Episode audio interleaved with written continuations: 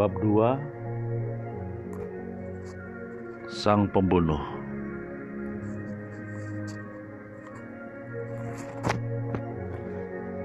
Boston 1971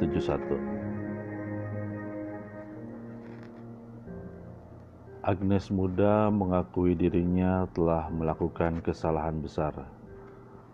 Menikah di usia muda dan menikah dengan seorang pemabuk ditambah dengan perceraiannya tiga hari setelah melahirkan Ben.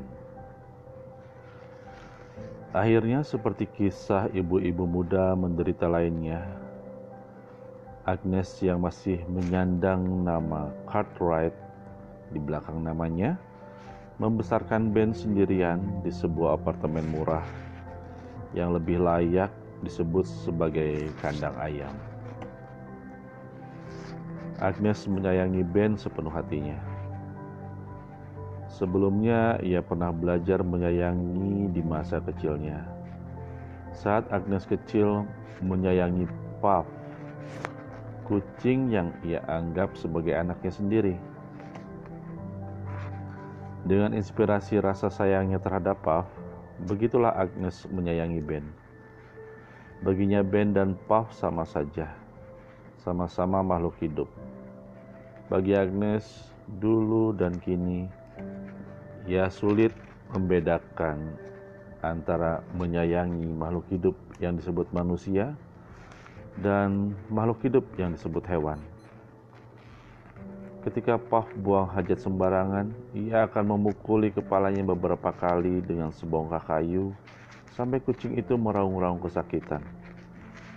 Tetapi kemudian ketika rasa sayangnya muncul, ia akan membujuk Puff untuk kembali ke pangkuannya.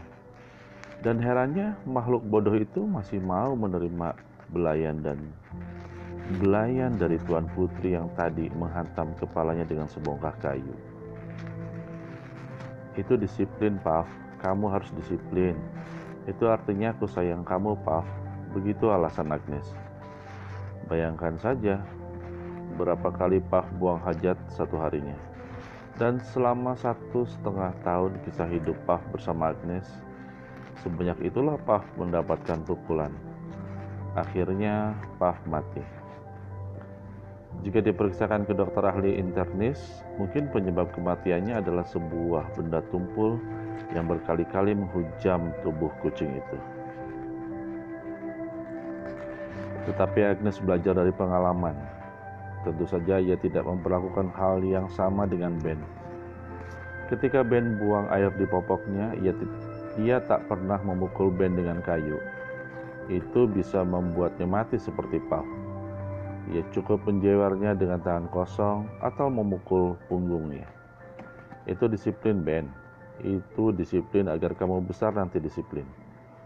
Memang hanya itulah contoh yang dimengerti Agnes dari mamanya, nenek Ben bagaimana cara mendisiplin anak. Akhirnya memang Ben menjadi anak yang disiplin dan sangat menghargai mamanya. Taat beribadah serta rajin sekolah di tengah kota Boston yang tidak ramah. Walau terpaan pukulan sering kali menghujam di tubuhnya, tetapi Ben tidak per, tidak mudah menangis dan akhirnya memang tak pernah menangis. Agnes selalu mengindoktrinasi Ben agar tidak boleh menangis. Karena ia laki-laki dan ia bukan kucing. Agnes tidak suka tangisan Ben yang baginya lebih mirip raungan Puff. Pusing kalau Ben nangis. Maka ia tak boleh menangis. Dan Agnes berhasil membuat Ben menjadi laki-laki yang, yang tak pernah menangis di usianya yang masih enam tahun saat itu. Ben sendiri merasa bahwa ia adalah laki-laki tangguh. Bagi Ben, pukulan adalah tanda sayang. Maka ia pun sering menyayangi teman-temannya dengan rona biru di kelopak mata mereka. Ia tidak pernah bilang ke mamanya bahwa ia sering berkelahi. Ia ingin selalu menjadi good boy di hadapan mama walau menjadi bad boy di lingkungan pergaulannya yang keras dan kaku. Setiap minggu pagi ia akan mengaku dosa di gereja dan baginya dosanya minggu itu telah diampuni dan ia suci kembali. Tetapi sesuatu terjadi di masa kecilnya. Boston 29 Oktober 1971 Dulu, Elliot Street memiliki beberapa gang panjang memang pengap, gelap, kumuh, serta sepi. Gang-gang tersebut biasanya digunakan sebagai jalan pintas. Di salah satu gang, Agnes dan Ben biasa lewat. Sehabis mencuci di rumah Mr. Hawkins, Agnes terpaksa harus melalui salah satu gang yang biasanya disebut jalan tikus hampir setiap hari. Biasa biasanya ia pulang larut dan Ben selalu ikut. Ia selalu menggambar atau berbaring di dekat ibunya yang sedang bekerja mencuci atau setrika di perusahaan konveksi kelas menengah Mr. Hawkins yang memproduksi baju anak-anak itu. Hari itu adalah tanggal akhir di bulan Oktober dan tentu saja Mr. Hawkins yang ramah itu memberikan gaji bulanan Agnes tepat sesuai waktunya. Tentu saja Agnes menerima gaji yang sebenarnya sedikit lebih rendah dari upah minimum tahun itu dengan gembira. Ia ingin menabung lagi untuk masa depan mereka berdua Malam itu mereka pulang melalui salah satu gang di Elliot Street. Dan malam itu hujan deras tiba-tiba datang. Tetapi apa mau dikata, mereka akhirnya menerobos dinginnya hujan agar secepatnya sampai di rumah. Dan Ben akan segera menyiapkan baju ganti untuk mamanya serta membuatkannya teh. Entah mengapa di hati Ben kali ini ada ketakutan ketika melewati gang itu tetapi ia tidak mau mengatakan apa-apa kepada mamanya. Karena dilihatnya sang mama sudah terlalu letih untuk diajak bicara. Biasanya ketika letih, Agnes lebih banyak berbicara dengan tangan. Maka ketakutan Ben hanya disimpannya sendirian. Ketakutan Ben bukan tanpa alasan, karena ia merasa ada seseorang yang membuntuti mereka Ketika ia mencoba melirik ke belakang, yang ada hanyalah bayangan gelap. Sosok itu tinggi besar, menggunakan jaket merah padam dan bertopi. Sambil berjalan, ia mengepulkan asap rokok. Sekilas ketika ia menyalakan rokoknya, Ben melihat pria itu berjanggut jarang-jarang dan bertaring. Apakah gigi giginya memang aneh dari asalnya atau ia sengaja meruncingkannya? Benarkah yang dilihatnya itu? Ben tak tahan untuk bicara pada mamanya. Mama, ada yang mengikuti kita. Sudahlah, siapa yang hendak merampok orang miskin seperti kita? Betul juga pikir Ben di benaknya. Tetapi hatinya tak bisa diam memperingatinya untuk waspada. Kita bisa lewat jalan lain, mah? Sudahlah Ben, hujan begini lewat jalan lain akan semakin jauh dan kita akan makin kebasahan. Laki-laki kok penakut. Aku tidak takut, mah. Perasaanku tidak enak. Diam, adik Agnes sambil punggung tangannya menyentak pipi Ben. Sehingga anak laki-laki yang ketakutan itu pun berhenti bicara. Tetapi laki-laki itu memang mengikuti mereka berdua Hingga akhirnya Agnes pun mulai khawatir. Gang ini lumayan panjang, sekitar 45 meter. Dan kini kira-kira mereka ada di meter yang ke-20 dan itu berarti masih 25, 25 meter lagi keluar dari jalan sempit yang gelap pengap ini. Namun langkah kaki ibu dan anak itu terlalu lamban bagi laki-laki yang mengikuti mereka itu. Jalannya semakin cepat. Agnes tiba-tiba saja merasa tidak enak dan mempercepat langkahnya hingga setengah berlari. Si kecil Ben yang sedari tadi terengah-engah mengikuti langkah mamanya kini makin tersengal. Laki-laki itu berjalan dengan setengah berlari dan tiba-tiba saja laki-laki itu berlari menuju ke arah mereka Derasnya suara hujan mengakibatkan mereka berdua tidak begitu mendengar langkah kaki yang makin lama makin cepat menuju ke arah mereka. Tanpa basa-basi, sekejap saja, lidah Agnes menjulur keluar karena dibebat oleh kawat yang dibentangkan laki-laki itu. Ah! Agnes terdesak.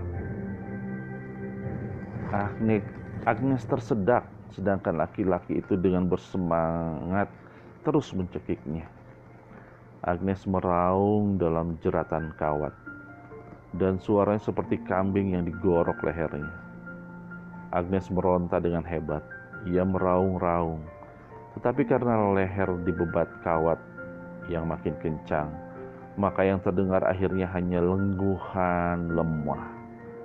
Ben hanya bisa diam.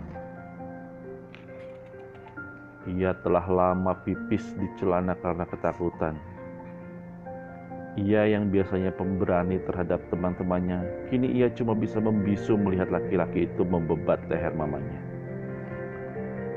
Dengan mata kepalanya sendiri, di bawah sinar temaram yang samar, ia melihat mamanya melotot sambil menjulurkan lidahnya dan tak bisa bernafas. Semua terjadi begitu cepat hingga tiba-tiba mamanya ambruk setelah mengeluarkan suara lengguhannya yang terakhir. Laki-laki itu melepaskan cekikannya dan membiarkan tubuh Agnes terkulai dibasahi hujan dengan mata yang masih terbelalak dan lidah yang menjulur. Agnes mati saat itu juga terkulai diguyur hujan lebat. Laki-laki itu kemudian datang menghampiri si Ben kurus yang sedang ketakutan itu. Ia bukan hanya bergetar karena kedinginan, tetapi juga bergetar karena ketakutan yang luar biasa. Laki-laki jelek itu semakin mendekat, dan ia justru berusaha menunjukkan wajahnya dengan membuka topinya sambil tersenyum sinis nan bengis. Wajahnya aneh, Ben ketakutan dan lututnya lemas. Di dalam gelap, Ben melihat ada sesuatu yang aneh dan menakutkan di kepala laki-laki itu.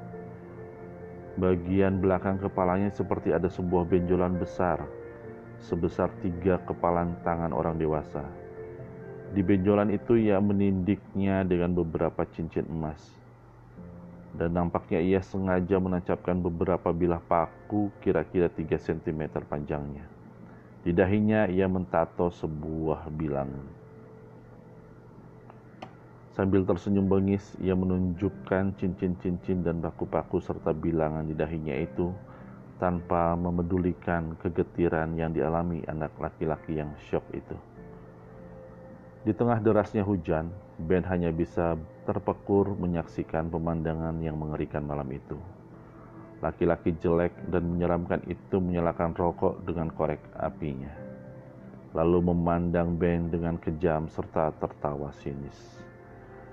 Kemudian ia duduk di dekat Ben dan membelai-belai pipi Ben dengan lembut. Tangannya bau amis. Anak sekecil itu sudah bisa merasakan adanya aroma kematian dalam diri laki-laki itu tetapi ia terus-menerus mengelus pipi Ben, lalu mengusap pundaknya dengan lembut. Heran, Ben menikmati elusan lembut itu yang seolah membuatnya melupakan perilaku kejam yang baru saja dilakukan laki-laki itu. Mama tidak pernah mengelus pundak Ben, apalagi mengelus pipinya. Tetapi laki-laki berwajah setan itu justru memperlakukan Ben dengan lembut, tetapi tetap dengan wajah sinis dan bengis. Ben tidak tahu apa yang ia rasakan kini. Takut, aman, ataukah apa? Tetapi tiba-tiba laki-laki itu berdiri dan mengusap rambut Ben seperti seorang ayah yang bangga dengan anak laki-lakinya. Kemudian ia pergi dengan santai menerobos guyuran hujan yang deras sambil mengacungkan jempol ke arah Ben.